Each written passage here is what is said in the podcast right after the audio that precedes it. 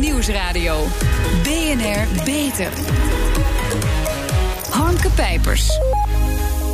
Meneer Geurts is 70 jaar oud. Ruim een jaar geleden kreeg hij een auto-immuunziekte die zijn spieren en zenuwen aantast. Ik moest wennen aan een nieuw leven. Als u zich voorstelt, net daarvoor uh, was ik lange afstandsloper en liep ik duizend kilometer zonder enige moeite.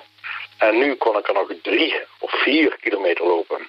Maar ja, nou op een bepaald moment uh, moet je gewoon naar huis. Dan zeggen ze, dit is het dan, een soort cold turkey dag. En uh, we zien u wel weer een keer over een half jaar. Dat was heel erg moeilijk, want in één keer zat ik thuis als een soort matige invalide. Ik moest me herbezinnen op het leven.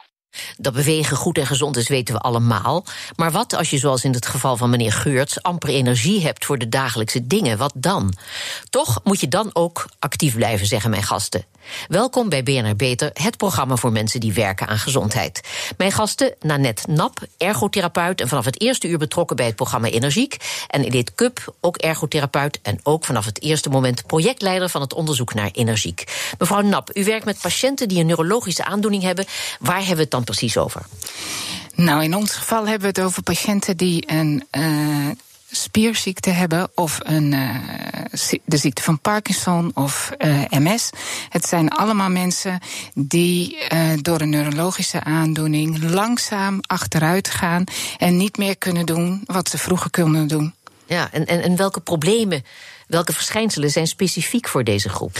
Nou, ik denk dat de grootste klacht die is onzichtbaar. En dat is de vermoeidheid die de mensen vermelden. Ja. Uh, mensen hebben extreem last van vermoeidheid. Of veel mensen hebben dat, niet iedereen. Mm -hmm. Daarnaast uh, pijn en lichamelijke klachten. En bij sommige spierziekten of neurologische aandoeningen spelen ook nog cognitieve problemen een rol. Ja, dat, dat is nou niet de meest makkelijke groep hè, om in beweging te krijgen. Want welk gedrag ziet u bij deze patiënten? Nou ja, niet zozeer een zelfgekozen gedrag. Maar je kunt je voorstellen dat als, uh, als je de hele dag extreem moe bent, mm -hmm. dat het heel lastig is om jezelf ergens toe te zetten. Ja, om, om elke ochtend weer op te staan en te denken van nou, laat ik eens dat gaan doen, laat ik eens dat gaan doen. En al helemaal niet dat deze mensen uh, denken nog veel energie te hebben om eens uh, te gaan sporten of te bewegen. Ja. Wat juist zo goed voor hen zou kunnen zijn. Ja, want mevrouw Kup, mensen met een chronische ziekte moeten juist in beweging komen, zegt u. Ja, maar dat zijn dus de mensen met heel weinig energie en heel veel fysieke klachten. Moet je die niet gewoon met rust laten? Ja, dat zou je denken. En dat is ook heel ja. lang, heel lang de norm geweest. Dat als je een spierziekte had, dan moest je vooral rustig aan doen. Maar we weten nu dat rust roest. En dat je juist veel beter uh, matig intensief kunt bewegen. Ja. En dat daar ook bewijs voor is dat mensen dan ook een betere conditie kunnen krijgen. En zelfs ook hun spieren en hun conditie kunnen verbeteren. Ja. Maar ja, voor deze mensen is het uh, revalidatieprogramma Energiek ontwikkeld. Met heel goede resultaten, begrijp ik. Daar gaan we het zo dadelijk over hebben. Maar eerst, wat was de gebruikelijke zorg, wat was de gebruikelijke begeleiding die deze patiënten tot nu toe veelal kregen? Nou, mensen krijgen begeleiding van een revalidatiearts. Als ze naar de neuroloog gaan en de neuroloog zegt van goh, er is geen medicijn om de ziekte beter te maken, maar we kunnen wel de symptomen behandelen. Ik stuur u naar de revalidatiearts. Ja. Dan kan de revalidatiearts de mensen wel sturen naar een multidisciplinair team. Dat hebben wij ook. Ja. En dan krijgen mensen fysiotherapie, ergotherapie en soms psychologische begeleiding of maatschappelijk werk. Maar in zo'n geïntegreerd programma als nu, dat wij, wat wij ontwikkeld en onderzocht hebben, uh, dat is een andere aanpak dan gebruikelijk. En ook heel veel mensen hebben ook alleen maar fysiotherapie in de eigen omgeving. Ja, want ik wou net zeggen, wat gaat er dan mis? Waar, schiet dan, waar schoot de behandeling tot nu toe uh, dan tekort? Nou, wij merkten dat als je advies geeft van ga maar sporten, omdat we inmiddels bewijs hebben dat dat werkt, dat mm -hmm. mensen dan met vragen zitten van ja, maar hoe dan? En hoe intensief? En hoe vaak? En hoe pas ik dat ook nog in in mijn dagelijks leven? Want ik ja. heb al zoveel aan mijn hoofd en ik vind het al zo moeilijk om die ballen hoog te houden. Dus daar zijn wij op ingestoken om zowel die combinatie van goed leren hoe je moet trainen. Ja. Maar ook leren hoe je je energie moet verdelen. En hoe je dat op termijn duurzaam kan volhouden. En dat hebben we in de groep gedaan met een multidisciplinair zelfmanagementprogramma, zo noemen we dat. Ja, ja. En dat Want is mevrouw Nap, u herkende die problemen. En u begon tien jaar geleden heel klein met het revalidatieprogramma. Hoe heeft u dat toen aangepakt? Nou, we zijn bij elkaar gaan zitten, alle ja. disciplines, met de fysiotherapeut, de ergotherapeut, de revalidatiearts. En we hebben gekeken wat zien we nu in de praktijk en met welke vragen komen mensen bij ons en hoe kunnen we onze kennis bundelen, uh, zodat we hier een effectief programma neer kunnen zetten. Dus dat betekent uh, hoe kunnen we de fysiotherapie, die voornamelijk gericht is op het bewegen, en mensen helpen in het opbouwen van conditie en goede trainingsprogramma's te onderwijzen. Uh, met te koppelen aan de ergotherapeut, die kan afstemmen van hoe past dit nou bij alle andere dagelijkse activiteiten die iemand wil doen. En hoe kunnen we daar een balans in vinden. En daar is dit programma uit voortgekomen. Ja, dit programma, hoe ziet dat programma er nu uit? Het programma bestaat nu uit een aantal onderdelen, waarvan een heel belangrijk onderdeel is het. Uh, uh, mensen informatie geven. Dus mensen leren hoe het nou werkt om te trainen. Hoe, uh, wat zijn daar de principes van, de trainingsprincipes. Dus mensen kennis geven over wat er gebeurt. Daarnaast is er een uh, onderdeel wat ingaat om het omgaan met beperkte energie. Waar kan je nou aan denken? Wat kan je helpen? Hoe kan je energie besparen? Waar kun je mhm. keuzes in maken? En welke prioriteiten kan je stellen? En daarnaast is er dan het het beweegprogramma, hè, waar mensen met elkaar gaan bewegen en uh, gaan sporten. En het allerlaatste, uh, aan het eind van het programma gaan we samen met elk deelnemer kijken van hoe kunnen we dit nou realiseren in jouw thuissituatie? Hoe ja. kan je dat zelf doen? Want mevrouw Kup, het, het, is een intensief programma, begrijp ik, van 16 weken. Ja, dat vraagt wel heel veel hè, van de deelnemers. Dat vraagt veel van de deelnemers. Maar steeds met die mensen te doen, dat hoort je wel. Ja, ja, nou dat vraagt ook veel. Maar het is ook wel bekend dat je minstens twaalf weken moet trainen om echt ook de conditie te verbeteren. Mensen ja. moeten eerst gewoon ook weer wennen aan het trainen. Het is intensief.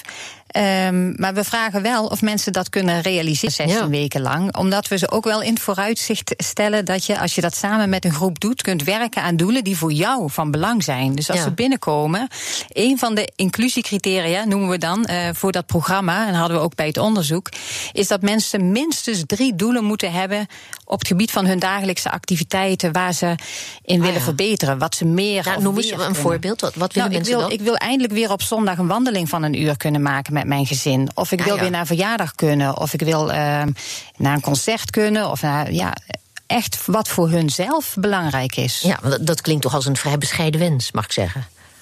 Ja, ja. En zo, zo is het ook. Ja, want ik, want ik begreep dat een belangrijk onderdeel van het programma is gedragsverandering. Dat is kennelijk nodig. Hè? Want uh, slaagt u erin, mevrouw Nap, om deelnemers de noodzaak ervan te laten inzien, van gedragsverandering? Want dat vergt ook inzicht in je situatie. Hè? Ja, zeker. Ik weet niet of het mij lukt, maar mm -hmm. met de groep samen lukt het uh, ons vrij goed. Want gedragsverandering wil zeggen dat je op een nieuwe manier gaat kijken naar je situatie. Ja. Als je blijft. Uh, denken aan hoe het was en hoe het ooit was. Dan krijg je alleen maar de pest in. Dan, ja, dan Blijf kom, je in bed liggen. Dan kom je niet verder. En ja. dan heb je geen zin meer om uitdagingen aan te gaan. Dus het is belangrijk om te kijken van... goh, waar sta ik nu? Wat kan ik? Ja. Wat wil ik eigenlijk nog? Wat is voor mij belangrijk in het leven? Wat zijn de waardes van het leven? Ja. En daar hebben we soms veel diepe gesprekken over met een groep. En ik denk wel dat uh, dat de belangrijkste factor is. De groep die de gedragsverandering in gang zet. Ja. En vervolgens dat mensen daar zelf in hun thuissituatie mee verder gaan. Ja, maar het zijn natuurlijk ook vaak ziekten die uh, op den duur toch een vervelend uh, verloop hebben. Hè, die achteruitgang betekenen. Dus ja. dat betekent ook nog. Ja, kan je door uh, te blijven bewegen, zeg maar, die achteruitgang temperen? Je kan de of is dat de hoop die je motiveert? Het, je kan de achteruitgang temperen, ja. denken wij wel. Want als je in goede conditie bent, dan uh, blijft je accu zeg maar ook beter opgeladen. Ja. Maar goed, er komt natuurlijk een moment met deze uh, aandoeningen dat er weer een sprake is van een achteruitgang, ja. licht of, of, of wat zwaarder. En wij hopen met dit programma, en dat, dat heeft zich ook wel bewezen, dat wij zeg maar strategieën aanleren of dat we een netwerk om de uh, deelnemer heen realiseren, zodat iemand weer terug kan vallen op wat hij geleerd heeft. Ja, ja. En eigenlijk weer dezelfde stap, maar dan weer op een ander niveau opnieuw kan nemen. Ja, ja. Want ik begreep dat, nou ja, ik, ik hoorde daar net wat dan de doelen zijn hè, die men zichzelf stelt. Dat klonk heel bescheiden. Maar die doelen zullen niet altijd haalbaar zijn, niet altijd zo bescheiden.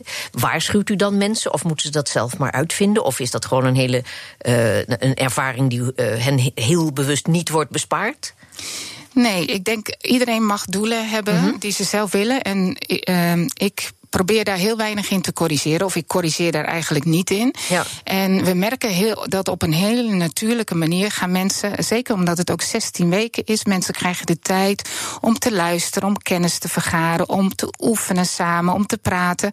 Dat mensen hun doelen zelf ook bij kunnen stellen. Ja. Dat ze kunnen gaan denken van, oh ja, dat eh, marathonlopen is wel een beetje te ambitieus. Ja. Maar ik zou wel heel blij zijn als ik weer vijf kilometer kan gaan wandelen. En lukt het om mensen gemotiveerd te houden? Of is er ook een percentage wat afhaakt? Nou, over het algemeen lukt het ons om mensen gemotiveerd te houden. Maar ik denk zeker dat er, um, nou, één keer in de twee groepen wel iemand afvalt. Ja. Ah, ja. En die motivatie, die hebben we ook van tevoren wel goed gecheckt bij de mensen. Ja, ja. Ze hebben een gesprek voordat ze in de groep gaan. En dan wordt de bereidheid voor gedragsverandering ook wel echt besproken. Ja.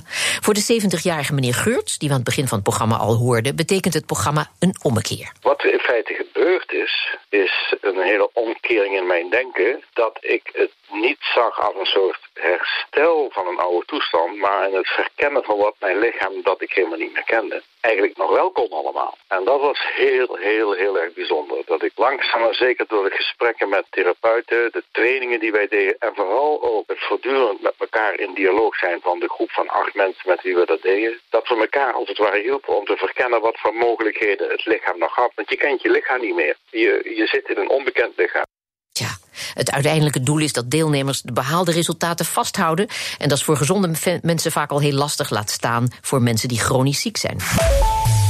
Twee keer per week naar de sportschool. Voor iemand met een neurologische aandoening is dat een enorme overwinning. Hoe zorg je dat hij het volhoudt? En minstens even belangrijk, dat hij niet over zijn grenzen gaat. Daarover straks meer. BNR Nieuwsradio. BNR Beter. Geen energie hebben, maar toch actief naar de sportschool gaan. Het revalidatieprogramma Energiek helpt deelnemers met een neurologische aandoening actief te worden en vooral actief te blijven. Mijn gasten, ergotherapeuten Nanette Nap en Edith Kup. Mevrouw Nap, een van de modules in het traject van 16 weken is omgaan met vermoeidheid. En die vermoeidheid is bij veel van uw patiënten nu eenmaal een feit. Hoe kan de deelnemer er toch het beste van maken? Nou, de strategieën die wij met de mensen bespreken, is voornamelijk gericht op het uh, leren aanvoelen waar je grenzen liggen. En niet over de grenzen heen gaan. En eigenlijk is dat natuurlijk iets wat wij allemaal uh, zouden moeten doen in het dagelijks leven. Goed kijken van, is dit wat ik wil? Is dit uh, de energie die ik eraan wil geven? En is het het me waard? Om zo te voorkomen dat je uitgeput raakt, waardoor de hersteltijd, om weer een beetje de volgende dag fris te zijn, langer gaat duren. Want hoe ja. meer je over je grens heen gaat, hoe moeilijker het is om weer. Maar ja, we spreken voortdurend in dat verband natuurlijk ook voor deze mensen over grenzen verleggen. Dus het blijft lastig. Ja, en, en dat is ook het allermoeilijkste van het programma, is ja. denk ik om, om je grenzen te verkennen, mm -hmm. eh, om daar open voor te staan en ze ja. mogelijk op een andere manier te gaan zien dan voorheen, want je grenzen veranderen. Ja, maar, maar er zijn natuurlijk uh, mensen die zo weinig energie hebben, ja, dan valt er ook uh, vrij weinig te verkennen. Nou, dat misschien nog wel, maar er valt vrij weinig te kiezen, laat ik het zo zeggen. Nou, ik denk toch dat het de meeste mensen wel lukt om, mm -hmm. uh, als ze een situatie op een nieuwe manier uh, kunnen gaan zien, en zoals meneer Geurts net ook vertelde, dat er dan uiteindelijk nog heel veel te kiezen is. Alleen het ligt op een heel ander vlak dan dat je gewend bent. Het is niet meer kiezen tussen ga ik 10 kilometer fietsen of 5 kilometer ja, wandelen. Ik begrijp ook dat we het hebben over mensen die soms gewoon niet meer naar de fysiotherapeut kunnen, want dan is het al op voor die dag. Ja, ja, maar dat ligt er dan wel aan hoe ze naar de fysiotherapeut gaan. Hè. Je kan lopen naar de fysio, maar je kan ook uh, je laten brengen. Dus ja. uh, dat zijn de keuzes die mensen kunnen maken. Ja, hoe dan ook, mevrouw Nap, de familieleden worden ook betrokken bij het traject. Hè? Zijn hun verwachtingen altijd even realistisch? Nee, ook voor de familieleden is -hmm. dit een heel lastig traject. En daarom uh, worden ze ook nauw betrokken om uh, de keuzes die de deelnemers in hun leven gaan maken, om daar dichtbij te blijven bij die keuzes. Ja. Omdat het voor hun, uh, zij hopen natuurlijk ook dat de partner of de vader of die zij kennen, ja. weer als vanouds terugkomt.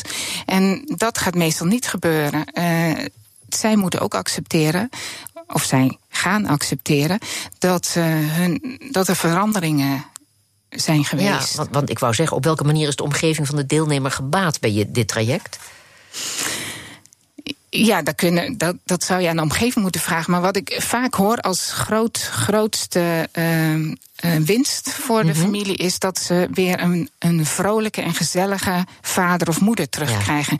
Die met het gezin mee kan doen met de dingen die het gezin gaat doen. Uh, waar voorheen uh, misschien alle energie werd gestoken in hard werken en te veel sporten.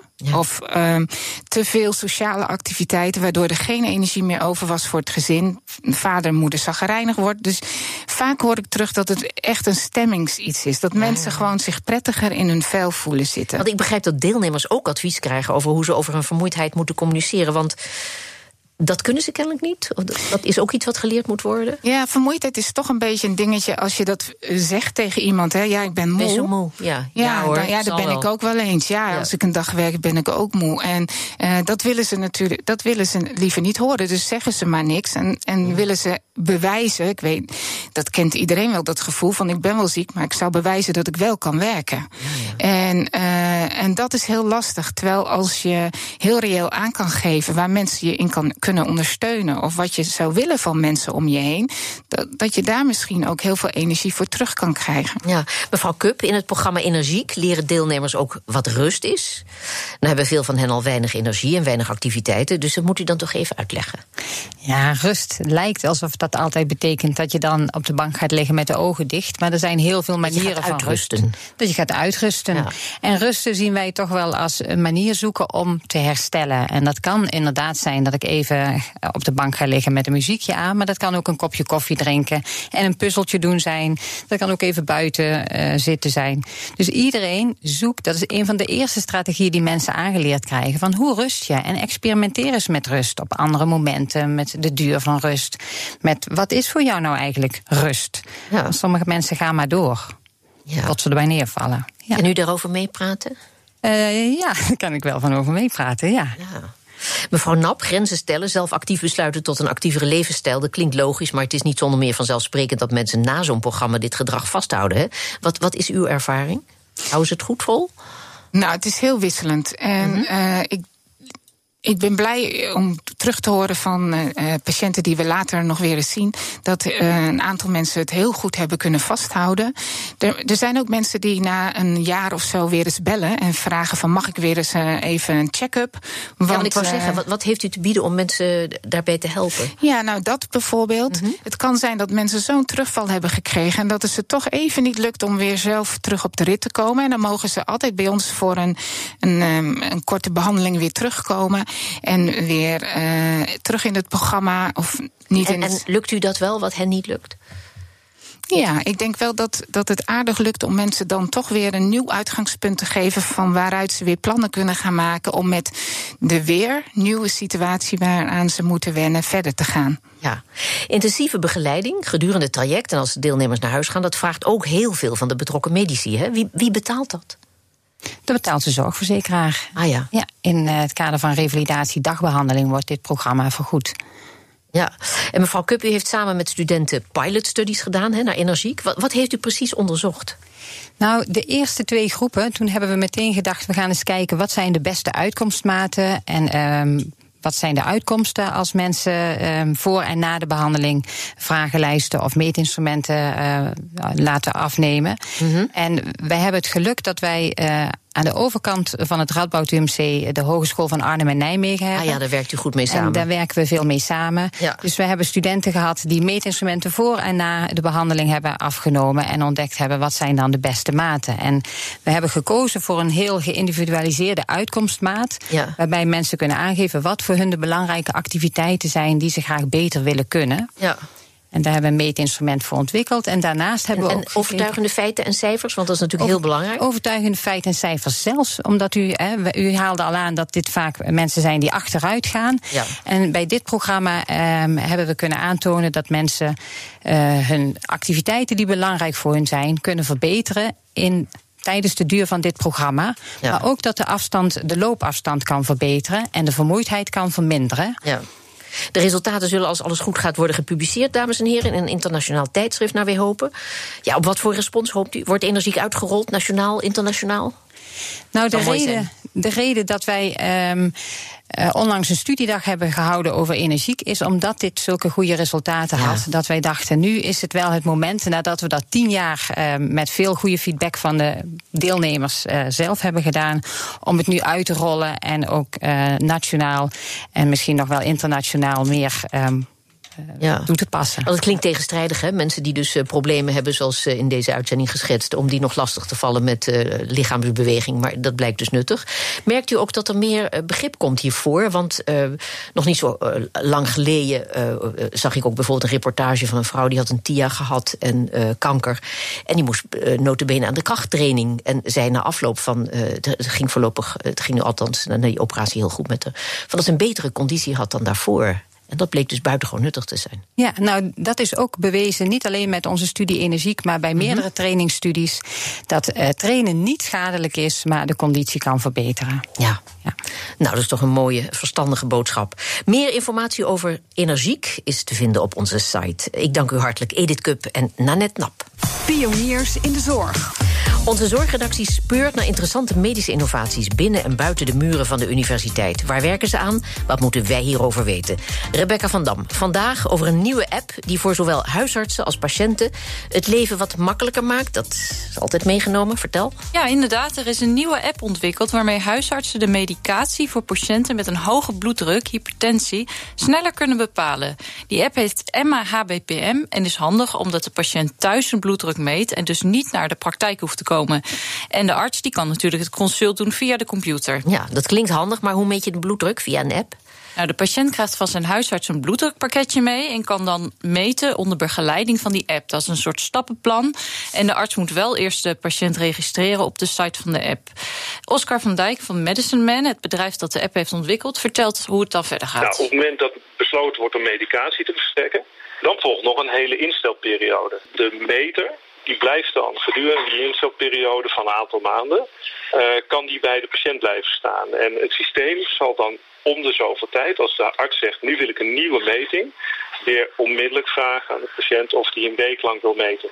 Uh, de huisarts is als het ware hier dan de opdrachtgever om, uh, om de meting thuis uit te laten voeren. Ja, en de arts die krijgt dan vervolgens ook die resultaten. En als het nodig is, kan hij besluiten om dan de medicatie aan te passen. Ja, toch zijn er ook mensen die zeggen dat het veel beter is als een arts een patiënt ziet, hè? Ja, natuurlijk. Maar als er echt iets zorgwekkends is, dan moet een patiënt ook gewoon naar de dokter gaan. En als de bloeddruk veel te hoog is, zal de dokter waarschijnlijk ook zeggen van nou, kom maar hier. Ja. Maar uit onderzoek onder huisartsen bleek dat veel van hen het heel lastig vinden om juist snel en correcte bloeddrukmedicatie in te stellen. En daarvoor zijn vaak meerdere consulten nodig en meerdere bloeddrukmetingen. Maar met die app is dat dus verleden tijd. Ja, want dan kan je het vaker doen. Is, en, en zijn die uitslagen betrouwbaar?